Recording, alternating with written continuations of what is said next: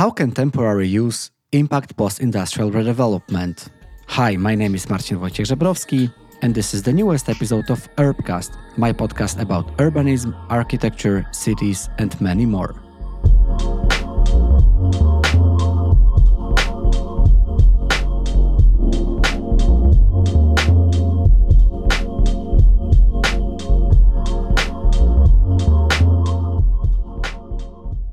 And today we will continue one of my favorite topics, which is the industrial transformation of our cities.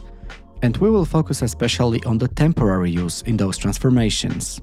Almost a month ago, I spoke with Lake Hein, who is part of NREP, the biggest Scandinavian real estate developer, but also a co CEO of the Tunnelfabrikken, which is a project that we will discuss today.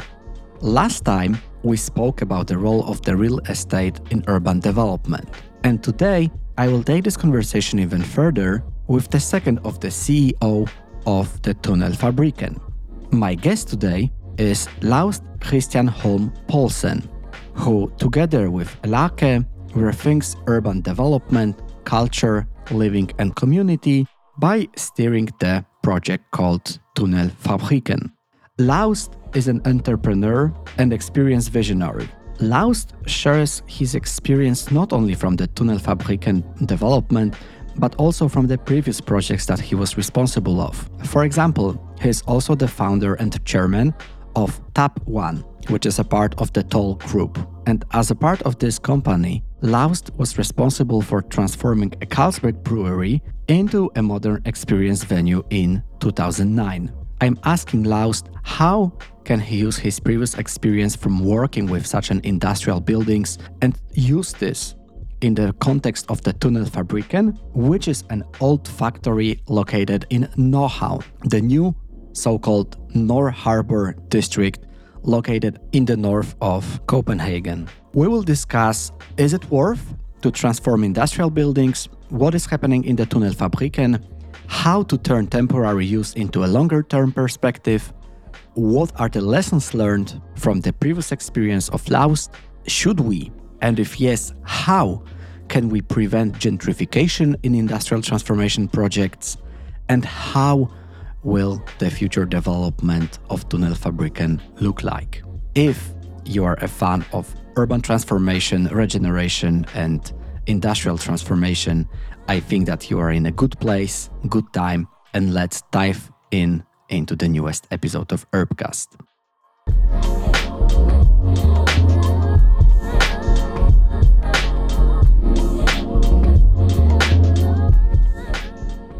Hello, Laust, and uh, welcome to the podcast. Thank you. I'm glad to be here. Maybe will just shortly introduce myself. My name is Laust, and uh, and I'm the co-CEO of uh, we are here uh, together talking about your perspective on Tunnelfabrikken. We'll talk about uh, rethinking urban development, the culture of living and community. And we will use the Tunnelfabrikken uh, as an example. We are here now in NREP, in Nordhavn, the Northern Harbor. And I think that this is a good starting point uh, for the discussion. So to place the Tunnelfabrikken uh, somewhere in the map of Copenhagen, what should we actually know about Nordhavn, the North Harbor of Copenhagen, in context of the development of the city of Copenhagen? Nordhavn is an industrial port, or used to be. It still is, uh, partly. It's situated uh, a little bit north of um, the center of Copenhagen. It's, um, I mean, it's uh, the part is called Østerbro. It's a natural um, prolongment of, of that. It's been under development for uh, many years now, but the outer North Harbor, where Tunnelfabrikken is situated, has not been developed, and it's actually um, not meant to be uh, developed in big scale for the next 10, 15 years. But Tunnelfabrikken is uh, is like ahead in that term, and we are something called the Rækkefølgeplan in, in Denmark, where you actually this is the way where you do the, the city development. We've got like a, a step in before, so um, so we're starting out um, where there's not so much else right now, and it's actually situated in the in Tunnelfabrikken, which is a big uh, construction made for uh, making the, the, the elements for the tunnel, the Øresundstunnel, back in the days. So they were actually um, made and uh, and where they sailed out and dropped to the ocean sea from that point. I think it's uh, important to emphasize the industrial character of the North Harbor and also of Copenhagen in general. It was a very industrial city. And what is very exciting to observe nowadays as an urbanist is how the city is, is changing. And Nordhavn is for sure a part of it because it is said that in 40 years, Nordhavn will become a vibrant waterfront city, providing homes for over 40,000 inhabitants, but also another 40,000 of workplaces. Hmm. But all of this is kind of happening on the ground, which used to be very industrial. Yeah. So, how this transformation is happening, what should we be, or also you are as designers and, and you as developers, what should we be aware of while working in, in such a context? I think that, that I mean, the city of Copenhagen have learned a lot from Ørestaden of what not to do, and they're trying to uh, implement that in the in the North Harbor in a better way. Which is like a district in the south of Copenhagen, which uh, is known to not be the best, maybe urbanistic idea. Yeah, mainly because you know the whole community part, the whole way that the city is made is more like okay, you live here, you work here, you, you don't like interact uh, mm. as much with each other. And there's another thing, of course, which I think is important to mention with Tunnelfabrikken is that it's an old building, so it's a, a renovation project. It's a, a, big renovation project, so it's almost a new building. But um, doing that also confines you into some framework that's important when you develop a city, I think, because it makes uh, the diversity of the city. Because you wouldn't, if you started all new, you wouldn't build it like that, because it's it's a massive building. The structure is uh, almost 200 meters on the one length and uh, 150 on the other, and it's uh, 29 meters high. So it's a, it's a massive structure. So I think that's really important in terms of, of the development. North Harbor also, of course, because the world has changed uh, in that way. So it's a lot of focus on sustainability in when we um, develop this uh, this area, and the Tunnelfabrikken should be a, a, lighthouse within that as well. And sustainability is not only, of course, the, the climate wise, but uh, also uh, economically, of course, and socially. So we work a lot with how can we balance these three things, which is so important for for this development. And I think at some point we should talk about the diversity not only in the in the buildings in the structures mm. we make but also in the way we have the inhabitants and the tenants of the buildings Definitely, this is something worth discussing. And uh, I have uh, some questions uh, to you because it's so interesting to me to get to know the developer's uh, perspective, but also you've been working with, big halls, with big structures, and you've been turning them into all other places into event halls and and you kind of made business case out of it as well and this is so interesting because often we we focus on those design details and how the facade looks like but it's so important to revive the city as well and also to try to connect different interests, right? We can talk about the people who might be protesting against the building or renovating such a building. We might talk about different developers and and different users of the space. So there are a lot of different conflicts maybe or maybe just interests, let's put it that way. So just to summarize that, why is it worth to transform such a building? Yeah, I think it's worth to transform the building for two reasons. The obvious one is, of course, that to reuse old buildings, then you use less materials, and also in a sustainability uh, perspective, it's always a good idea to to reuse what is already already there. And then the other perspective I just briefly touched before is the, the way that that you develop new parts, new cities. So this area, Nordhavn, uh, which is was a lot of open space as well. So it's a lot of new buildings in the development it's so important to have the the heritage with the old buildings, transforming them into be a part of the new city, and it creates a visual diversity, which I think is really important.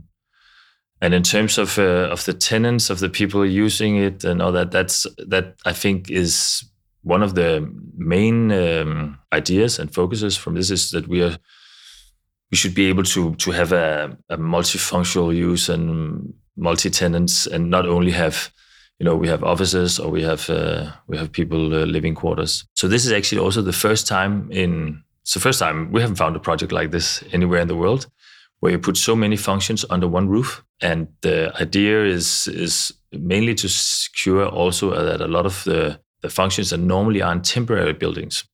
And uh, you mentioned that I've worked with uh, with other buildings like this, and it's true. And but a lot of them have been within a time span 10, 15 years mm. uh, because they had to be developed into something more profitable financially afterwards. And there wasn't a strategy of how could we how could we actually do implement the culture and all the other functions that we want, but in a viable long perspective uh, way. So I think that's the unique part uh, about this project is that the the group behind, which is uh, NREP, is one of the partners, the biggest partner, the offices we're sitting in now and then the City and Port Development, which is a public development company uh, who also owns part of this project. Their objective is to develop the North Harbor, and a small uh, developer called uh, Union Kol, uh, who's uh, like situated in Nordhavn and knows Nordhavn from the beginning, has been through that journey. So I think they they actually went into this project not like you normally do, where you have a fund or something, and then you have to you build it and you sell it off or you uh, so it's a long-term project they're all committed to keeping it like this and they are also committed to on the short term look less profits because we mm. think in the long term we can actually generate the same profits so that's the that's one of the objectives is to to secure that so we are really committed not only to building this but also to operating it so the operations in terms of getting the right community, the right feel of, of this this whole is is really important. And um, in that terms, I think we don't have like this. There's not like one price. You know, normally if you go into office building, it will be it's this amount of money per square meter to rent. Here we have differentiated prices. So the people who have uh, more money, they will also pay more, and the people who have less money will also pay less. Mm. But the main part is that everybody has to contribute. Into you cannot just rent and like lock yourself in and do you have to like contribute into the community so for example there could be uh, we have we talk some with some light designers. They might be able to sit there for free but they will give back in terms of they will decorate the building with light design and stuff mm. like that. So uh, yeah.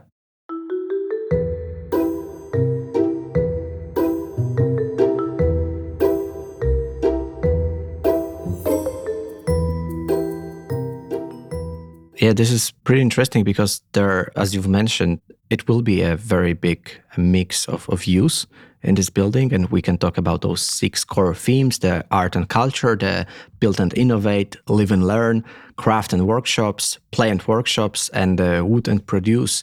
But this is, I assume, when the, the, the development is done. What is happening in the Tunnelfabrikken right now? Right now, I mean, we've used a lot of time on getting the so local plan is like the like local plan. Local yeah. plan, yeah.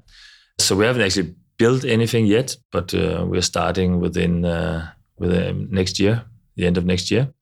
So right now it's been uh, mainly an empty shell, but we've had like temporary things in there. So we've had uh, art exhibitions and artists working there, and have some small uh, artisans who are there and making things right now. But in time, of course, this will uh, this will change but we will keep we would like to break the chain that normally you have you know the, the artist the culture they will come first when it's cheap before it's developed and then there will come someone and then they will be kicked out and it will be developed and it will hmm. be but actually the energy people would like to live close to this so it's actually a pity that you have these areas where you have all the culture and then people say oh this is a cool area i want to live there and they go and just get development they live there and all the culture dies so that's one part of the Tunnelfabrikken then there's a lot of super interesting perspectives because we are situated in the outer North Nordhavn. So we have had the possibility to do a lot of different things. For example, in terms of energy, in, in Copenhagen, in Denmark, you are you have a, a duty to connect to the uh, fjernvarme grid. It's like an energy grid. But here we have actually got a dispensation not to do that. So we are trying something new with a company called Energy Machines, so we are actually making the building into an energy machine. So we have uh, deep drilling where we store and generate both heat and cool. And we have solar panels and we have like they, they change. So everybody, when the, and I'll get back to that, but when some of the tenants, the students, we have students uh, housing in the, in the building, when they shower, for example, the heat from the water is used to heat up the venue or rooms. But in order to just comment on, um, on the functions, mm you mentioned all these uh, categories, and they've been important when we developed the project. Right now, we are in a phase where we are actually breaking these silos down a little bit Yeah. in order to secure the um, the way they work together, the way they come together. But we're going to have uh, a lot of uh, there's going to be student housing out there in the area within the actual building. There will be around 600 students living. Within the area, we'll have uh, the outside area we actually have 12 acres of land that can be used. There will be some uh, temporary student developments also, so it'll be around 1,000 students in Tunnelfabrikken.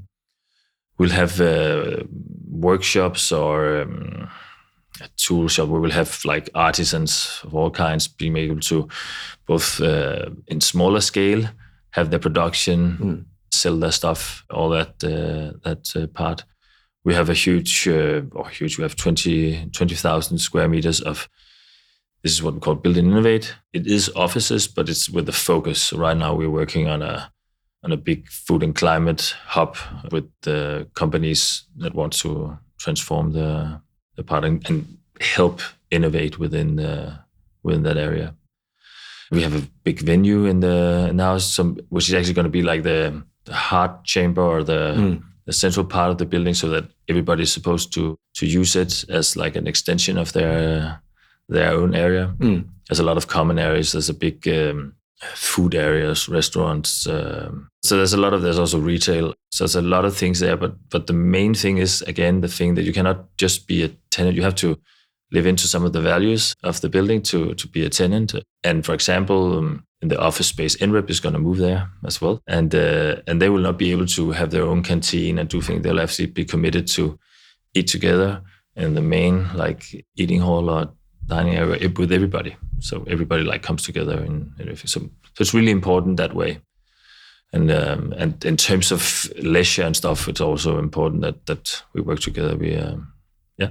I'm glad you've mentioned this temporary use because this is a very known tool in cities worldwide to first like put the place it might be an old industrial building on this like so-called mental map of the city right so that the, the citizens start to recognize uh, the place and i think that that uh, happened here in copenhagen as well with the Refshaleøen, which is like the island with the temporary solutions with food trucks with some art as well.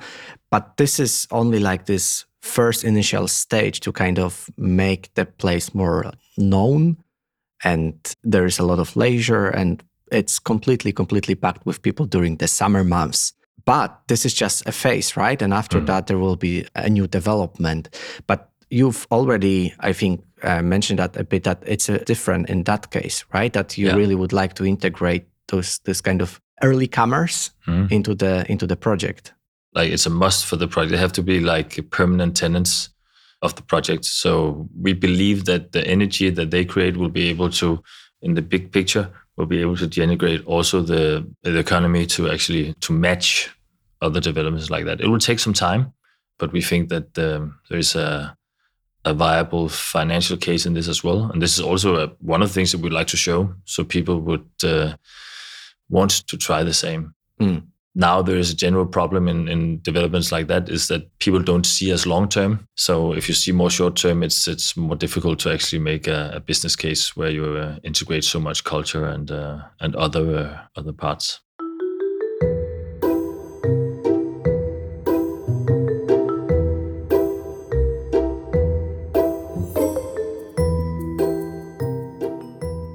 I also wanted to talk a bit about your previous experience with, with transformation because you've been also you are a founder of uh, Tap One, which Yeah. was the part of Tal Group, which is basically the way you you transform an old building into a new venue. And this is something you you basically did as well with the Carlsberg Brewery, right? Yeah. Do you see any patterns that maybe you could also briefly mention that experience? And uh, do you see any patterns, any lessons learned that you could also use in the case of Tunnelfabrikken? I mean, for sure. I mean, one of my main motivations of joining this project is actually that uh, the people behind the, the consortium or the, the owners uh, of the project, they have a vision to actually change this whole thing, to actually give a permanent space to a lot of the things that, that normally are in temporary spaces. And in terms of Tap 1, which was actually, we started in the Carlsberg area, it was actually the same part. We, we looked at the area that had to be transformed and uh, how could that be done and how could we fill out the space of five to 10 years uh, where everything was planned and uh, before mm. the building uh, went on. And I think a lot of people enjoyed uh, this whole grounds, what happened on the grounds.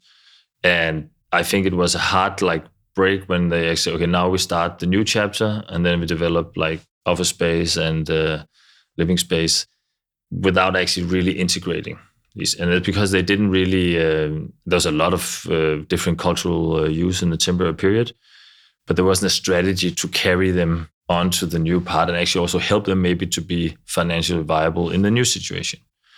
So I think there's for me that's that's a big thing is actually to say okay how can we take the parts that actually have a viable financial idea or, or company or and take them into a, a, more permanent project and again look at how can this help others so we might have a, a cultural venue or something that will not be able to make the same money as as office spaces, but they will provide services for the office spaces that will make the the rent per square meter a little bit higher over there, mm. so it will all balance out.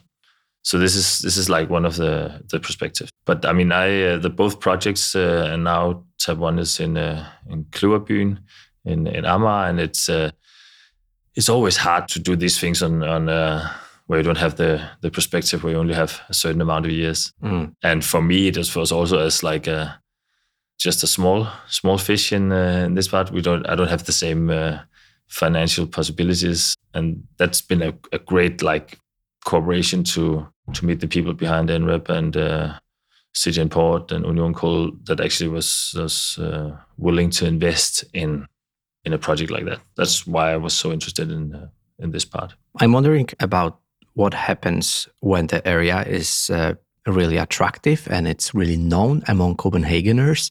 You can, of course, argue if that's an advantage or disadvantage, but it leads to some kind of um, gentrification with time, right? The city, the part of the city that we are discussing, the old industrial site being transformed into something new, attracts uh, new tenants, attracts uh, also people that can afford more expensive spaces, office spaces, or housing. And with time, it might push out the old users, right, mm. of, of, of a certain space. Do you think, do you see a threat of that happening around Tunnelfabrikken here in Nordhavn? And if yes, do you have any ideas of how to prevent that? Or should we even prevent that? I think we should work towards escaping a more multicultural uh, and not escape these uh, these ghettos. Uh, and I think actually the Copenhagen and Denmark in general have a lot of things where they actually try to to change that. We have a there's a law that you have to build X amount of, of more cheap housing when you do developments, and that's also what we do out there. I think Tunnelfabrikken will be one a part of the solution. Of course, it's a big development, as you said. There will be uh, just in the outer North Harbor, there will be forty thousand people living and and forty thousand people working. According to the plan, of According course. to the plan, yeah. Might. So we will contribute what we can in terms of that. We actually make sure that we have space for people that doesn't have uh, the same amount of money. So we will have tenants that doesn't have that financial background that that you normally have to have in in a place like uh, like North Harbor. It is for the new developments. It's pretty high prices, and we just hope that the energy and the vision from Tunnelfabrikken will will spread mm. in the outer North Harbor, so you will pick up on those ideas that we've used because we'll have some time before the main development in the outer North Harbor will will start to show that there's actually a, a good business case in that.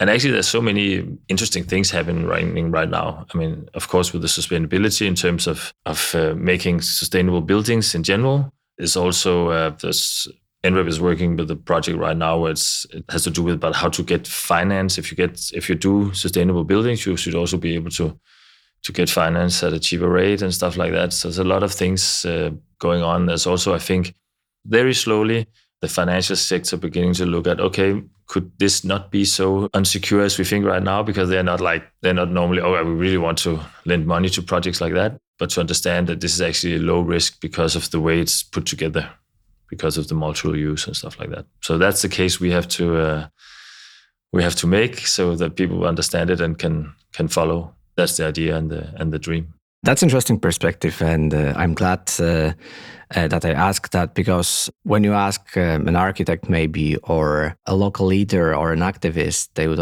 working on such a project, they would probably say that they would like to avoid the gentrification, right? Because it, it will it will influence in, in not such a positive way the existing uh, users of the space. But from the developer's perspective, those places getting vibe of being a cool place where people go and people hang out and meet and this is where they would like to spend their friday evening it is actually a good message right it increases the value yeah i mean and that's what we we have to show that it actually does because i think for developers i mean for this particular project Tunnelfabrikken, you have uh, the people behind who actually have a vision to actually say okay we want to invest in this we believe in this and we are there for a long term but main developments are like big funds going and they need to get a, mm. a, a return and uh, as high as possible because it's uh, you and I's uh, pension funds and all we want to get the biggest return. So they go for where they can get the biggest return. And that has been office space and living space. So if we need to like challenge that a little bit, we need to we need to show that there's a financial viable business case in this. So this is also a big part of this project is to show that you can make uh, the same amount of money doing it differently and you can get like a lot of other surpluses in the process hopefully maybe pension funds investing in the in the cities in housing in offices is a story for different discussion it's also pretty complex and how it transforms the, the market and, and city development. Let's stick to Tunnelfabrikken uh, today and just to kind of summarize it. When the project will be done, will there be such a point that it's done or it's just a starting point of a further development of this part of, of Nord Harbor? I mean, Tunnelfabrikken will, uh, as a building, be done in uh, 2026. And then we start with uh, what I call the, the, like the operation phase. So this this is a new chapter. So it's not like okay we build it then it's rented out and we leave it. It's this is a process of of making this whole community uh, and this whole collaboration together with the tenants and to make that like a, a powerhouse. So it'll be an ongoing thing. And in terms of the North Harbor, I hope that that Tunnelfabrikken will be that that beacon for the rest of the development. So um, all the learnings that we have from this project and how to integrate it with the rest of the development in a positive way. I mean, in general, North Harbor and the, the part of that's already developed, the part part closest to the city, have done a lot of positive things. You know, they've they've worked really put some, some things down. So, say for example, all all ground floor storage has to be open. So it has to be uh, shops, foods, whatever open. You cannot have a closed facade there. And it gives mm. already you can see from a new development gives a whole other life than you have in, for example, Ørestad and other places. Mm. So uh, I think that uh, as an area, we've already learned a lot. But I hope the Tunnelfabrikken for sure will be uh, will be a beacon for a lot more. And if you should like summarize, you could see the the multiple use, the multiple functions within like a city under one roof, as we call it, because it's really close proximity to everything. And that's also one of the things that is talked about is actually a sustainable way to live, is to live more where you don't have to transport yourself so uh, so long to uh, to get into different uh, mm. different things. Tunnelfabrikken will also be like a it's a function, it's a structure. It's that that's so important for for the further development. That's also why the city and port is, mm. is involved, is because this uh, this will make it uh, much more attractive to to live in the outer North Harbor. And then, of course, the whole um, the whole work with the sustainability part within how to make the buildings uh, sustainable, how to make renovations like this in a sustainable way, how to make new energy energy solutions, new solutions in general. So uh, to challenge uh, what's done before. I know it is an exercise for imagination to the listeners right now to try to portray and, and visualize the Tunnelfabrikken that we are discussing in this podcast. So I would like to ask you to share some information with the listeners. Where could they find something more about the project? But also, could you share a book recommendation close to the topic? I will start by saying that right now there's not so much information about Tunnelfabrikken. There is a, a, website, there's some pictures and a very brief description. And then I think I'll come back to the book maybe if I uh, if I can find something I think is uh, is right. But I would like to just give a maybe a little bit more of a, a picture into Tunnelfabrikken. The idea and the vision, the ambition is that there be 5,000 people daily visiting or staying, living, playing in this space So if you imagine, you know, a couple of thousand people going there to work, but also to to play afterwards, if, uh, sports, whatever uh, that could be uh, done. We have the thousand uh, student housing people living there, staying there, taking their uh, Friday uh, drink there. We have all the artisans like production things, but selling their stuff. So so this whole ecosystem of life is so important, and I think one of the really important pictures we need is also, and we didn't talk about that before, is the multiple use not only from the different tenants, but also in terms of the 24 hour around the clock. Mm. So it's so important that we have life at all times. So, for example, uh, meeting spaces uh, for the offices, you know, in the evenings they would be used in often uh, like uh, not night school, but evening schools and stuff yeah. like that. They'll come in and do it for for different uh, stuff. So we have this energy all around. So the the canteen, for example, is not only open as that. There's also a restaurant at the evening, and uh, the food waste is made into uh, other food packages. For example, for the students to use for whatever cheap lunch. Uh, we, are gonna have a there's a small hall outside the the structure where we're talking about now to do uh, like food upcycling, so food waste. So if you have the food waste, you take it and you generate maybe new food products and put them back into turn for packing. Mm. So, so this is this whole idea, this whole life. And then uh, another thing is, of course, the area is a unique thing. It will not be like that forever because there will yeah. be developments around. But in the beginning, in the first uh, 15 years, there'll be 12 acres around Tunnelfabrikken. It can be used for um, student housing, but also for gardens, for um, all sorts of things. Sports uh, is part. So it will be a, a quite unique area mm. in uh, in Copenhagen. So uh, I hope that gives a little bit. Uh, the feeling is always different when that, but but it's uh, the vibrant life that we want to take to uh, a new level in terms of what you've seen in other places. But if, if anyone is visiting Copenhagen, we also or is living here, we recommend going there and yeah. seeing the, the area and the Tunnelfabrikken, which is in the making yeah. right now? Yeah yeah you can always take a bicycle. It's a little bit better now. There's a lot of construction right now so we have a it's not the best place to to bicycle but uh, it's getting better and there is some uh, some nice paths out there. So to just go out there on a on a nice sunny day to see the the massive structure and the area around is uh, and the and the North Harbor area is uh, is nice. The inner part that's already developed and I will add a link. There is some information about Tunnelfabrikken, maybe as you said, not that much, but there is some. Yeah, so I will yeah. also add the link to the uh, to the project so everyone can just see. Yeah, perfect. Any book? Oh, I can just uh, top of my mind think of one I would recommend just for this area. This is uh, there's so many parts of this, so this is. Uh, I'll get back to that. Okay, but that would be the last question. Yeah. So thank you very much for for sharing this uh, perspective on uh, Tunnelfabrikken, but also the perspective of how can you put the puzzle pieces together to make the investment in a longer term mm. uh, kind of right. So just to invest first in this temporary use and try to attract people to stay there for longer. So uh, Laust, thank you very much for for being part. Thank you. Thank you for allowing me. Thank you.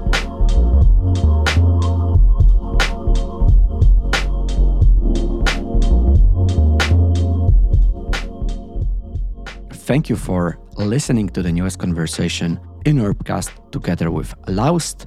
And I hope that we've been able to introduce you the concept behind the temporary use that you can find in a Tunnelfabrikken project. If you would like to get to know something more, please have a look in the episode's description where I added links to the interesting readings.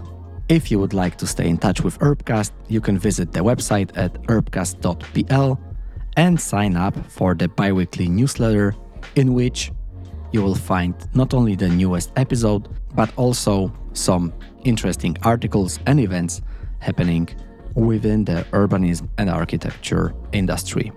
Thank you and talk to you soon.